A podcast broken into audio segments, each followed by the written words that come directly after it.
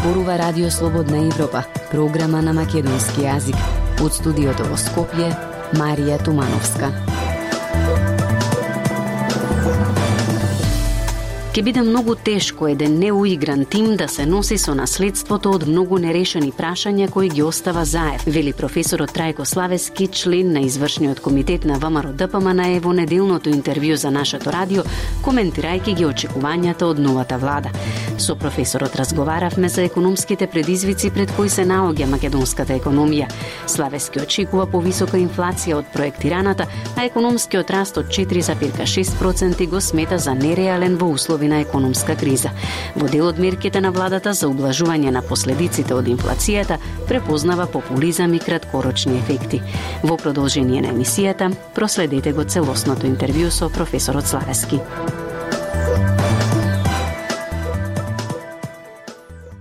Професоре Славески, од неодамна имате и нова функција. Вие сте председател на Советот на град Скопје. Видовме да деновиве градоначалничката Арсовска веќе почна со смени на директори на јавни предпријатија, гулки на тендерот БРТ и така натаму. Гледате ли во овие постапки политички реваншизам? Виде, на втората седница, а тоа беше прва што јас ја раководев, на дневен ред имаше а, повеќе извештаи за 9-месечното финансиско работење на јавните предпријатија. Се поведе дискусија за секој извештај одделно, имаше многу сериозни забелешки од она што беше презентирано во извештаите од страна на повеќе советници и согласање извештаите не беа прифатени. Меѓу другите, тогаш не беше разгледуван, стигна подоцна извештајот за финансиско работење на јавното собраќајно предпријатие, тоа е за седницата која што ни е закажана за подоцна овој месец на 29 12. Неприфаќањето на извештаите и укажувањето на сериозни пропусти во работењето е некој сигнал и за градоначалникот. Сега, нејзино е дискрециско право да врши промени на тие места и мислам дека нема политика и најверојатно мислам прифатено е тоа во политиката дека кога некој презема одговорност меѓу другото и за работењето, функционирањето на градот и преку овие служби, работата на јавните предпријатија се разбира треба да формира такви тимови кои што ќе ги следат политиките и приоритетите на градоначалникот. Од тука нема, мислам, политика. Дали ќе го поддржите секој предлог кој што доаѓа од градоначалничката? Не, не мора, не мора да значи. Не мора да значи. Тоа е јасно, не треба да се објаснуваме. Вие добро сте го забележале тоа. Нема многу... Прашањата не се од идеолошки карактер. Прашањата се од интересот на граѓаните на Скопје, нивната благосостојба, нивното секојдневно функционирање и слично. И не е во Советот членуваат и помали партии, дури имаме и здруженија, и секако нивните предлози, доколку се оцени дека се прифатливи за мнозинството во Советот, без разлика нели, по таа конкретна точка или прашање кој е мнозинството, се разбира заслужуваат внимание. Во најава е формирањето на нова влада. Во неа влезе и доскорашната опозиција алтернатива. Кои се вашите лични очекувања од новиот владен кабинет? Морам да бидам искрен, немам некои позначени очекувања. Се наоѓаме во тежок период, тешко наследство остава предходната влада на чело со господинот Заев, многу нерешени прашања а, до максимум зголемена поларизација во општеството, меѓу граѓаните, политичките субјекти, неснаоѓање како одговор на кризите, здравствената, енергетската криза и слично. А, така што а, постојат објективни а, причини, еден неуигран, што се вели вака со спортски жаргон тим, да се носи со тие проблеми, а од друга страна и а, виси прашањето на легитимитетот. Она што го видовме на локалните избори, а, потврди дека мнозинството граѓани не се согласуваат со политиките и на локално на централно ниво на а, сегашната композиција на владата, без разлика дали кон неа се приклучила некоја помала партија за да го зачува мнозинството. И мислам дека тој притисок а, јавен за нерешени проблеми постојано ќе се зголема во јавноста и ќе биде најдобро решение да се одржат а, предвремени парламентарни избори во текот на 2022 година. Професоре Славески, буџетот е веќе донесен откако беа прифатени некои амандмани од страна на опозицијата. Дали сте задоволен од усвоената верзија на буџетот или сепак предвидувате негов ребаланс? Вака, кај буџетот ние укажуваме на ризиците. Буџетот, особено на расходната страна, тие над 4,4 милиарди евра до сега највисок буџет, се навистина нешто што ево дополнително со висок проектиран и во, и во овој буџет, буџетски дефицит, влие или притиска на зголемување на јавниот долг. Факт е дека за кратко време, односно она што не е направено до сега, зголемување на капацитетот за реализација на институциите на капиталните инвестиции, ќе продолжи и во иднина. Не може да се очекува тука некое подобрување и нереализираните средства од капитални инвестиции повторно ќе се трошат за тековни расходи. Тоа е еден од ризиците. А, второ, ризик е а, како ќе поминеме со што претходно го кажавме со а, новиот бран на пандемијата. Се уште сега се вршат испитувања, студии, како тоа ќе се одрази на здравствените системи, производствена, производствената активност и така натаму и така натаму. А најголем ризичен фактор, она што јас би рекол дека а, некако буџетот како е, е, е како дупната вреќа во моментов и за оваа година ќе биде и во наредната година е а, изгубената контрола врз расходите што произлегуваат од а, енергетската криза. А, знаеме дека нели ние имаме сега користиме и домакинствата и дел од предпријатијата електрична енергија по цени кои што се далеко, далеко до нашите пазарните цени, домашното производство кое што може да биде со пониски трошоци и да обезбеди пониска цена и за граѓаните и за компаниите, е сведено на минимум до сега од, од осамостојувањето и ние сме принудени да купуваме на дневна основа а, скапа електрична енергија, а тоа се надоместува од државниот буџет, нели? И од тука велам, секој министер за финансии треба да се плаши кога нема контрола на на, на, на буџетот. Поскапувањата се веќе тука, зголемени се цените на храната, а покрај тоа се најавува и зголемување на цената на струјата по нова година. Владата ги замрзна цените на одредени нели продукти, меѓутоа дали сметате дека тоа ќе биде доволно за да се ублажи ударот врз животниот стандард? Не, во, во никој случај и нели слушнавме и од а, стопанството, од компаниите дека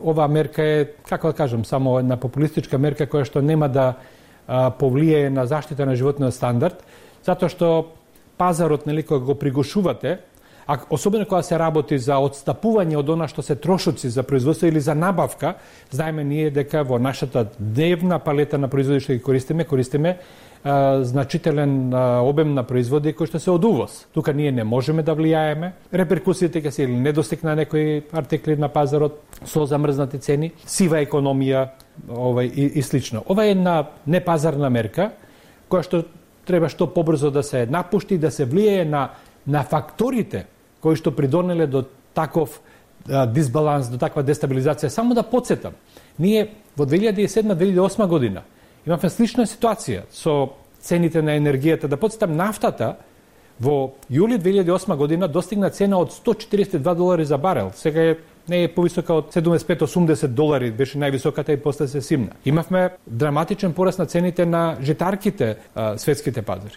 не замрзнатме цени, со едно добро менаджирање на состојбите, инфлацијата се покажа од времен карактер и цените се смирија за само неколку месеци. Мислам дека а, овој лошо се менаџира.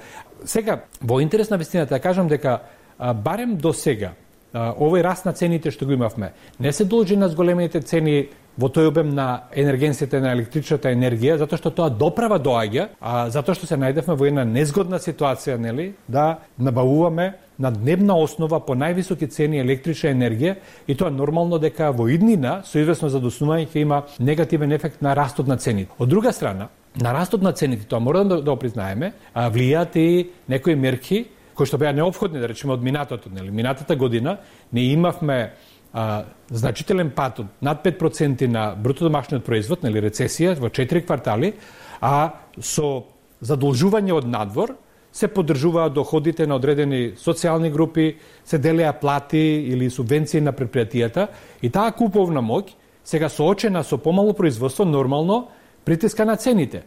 Какви се шансите за реализирање на најавеното зголемување на платите и пензиите во услови на криза? Секако треба поголемо продолжение, но што ако се зголеми, да речеме сега на 18.000 со закон, минималната плата. Тоа е неодржливо. Да речем неодржливо е затоа што ќе дојдеме во состојба а, преку, преку 50% 60% од вработените во Македонија да работат за минимална плата. Се доаѓа до уравниловки и така натаму и така натаму кога не можат другите плати, она што го бараат синдикатите, во никој случај ниту во јавниот ниту во приватниот сектор да го следат тој вештачки притисок врз минималната плата. За жал, нели, минималната плата законски детерминирана колку што е добар инструмент за поддршка заштита на најмалку квалификуваните работени, нели, се покаже како алатка која што се користи за популистички цели. Народната банка ја коригираше проценката за инфлација за наредната година на 3,1% од како предходно нели излегува со информација дека ќе биде 2,2.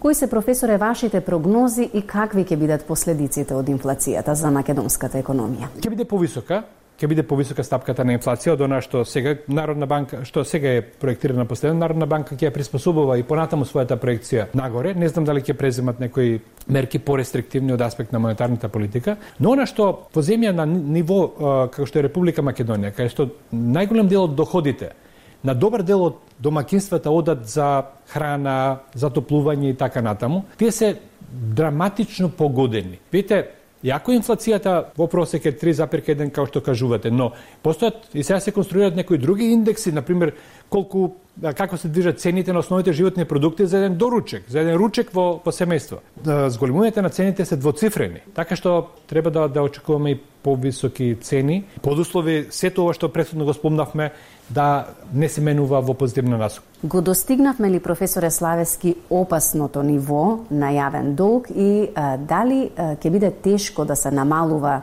а, тој процент во услови на пандемиска и енергетска криза? Да, го, го достигнавме со една а, скорешна отплата на, а, мислам, беше на евроврзница од 2015 година.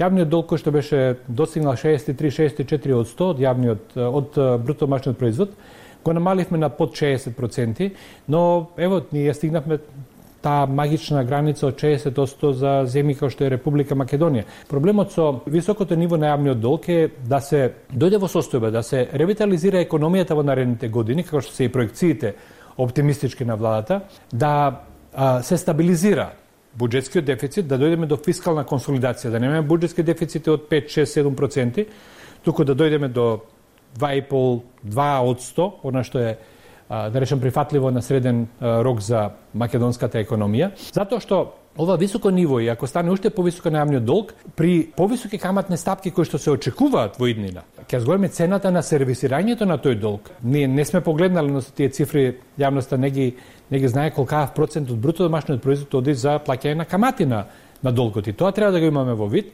затоа што ако стигнете да речеме 1,5-2% од брутомашниот производ да оди за отплата, сервисирање на јавниот долг, дали е домашен или странски, тоа значи дека колку што издвојувате средства за а, одбрана и за образование заедно, издвојувате за плаќање на камати. Тој аспект не треба да се запостави. Власта предвидува економски раст од 4,6%.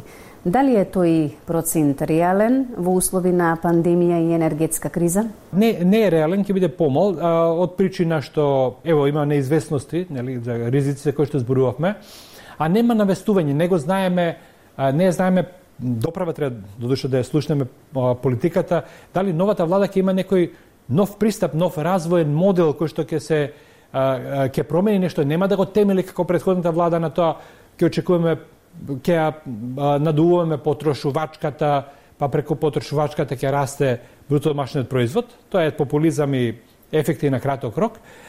Се знае, мислам, реални инвестиции на, на, на, на среден рок може да со нов развоен модел базиран на поддршка на извозните индустрии, онаму каде што Република Македонија има кон, конкурентски предности, единствено е здравиот пристап на зголемување и обезбедување на одржлив раст на македонската економија.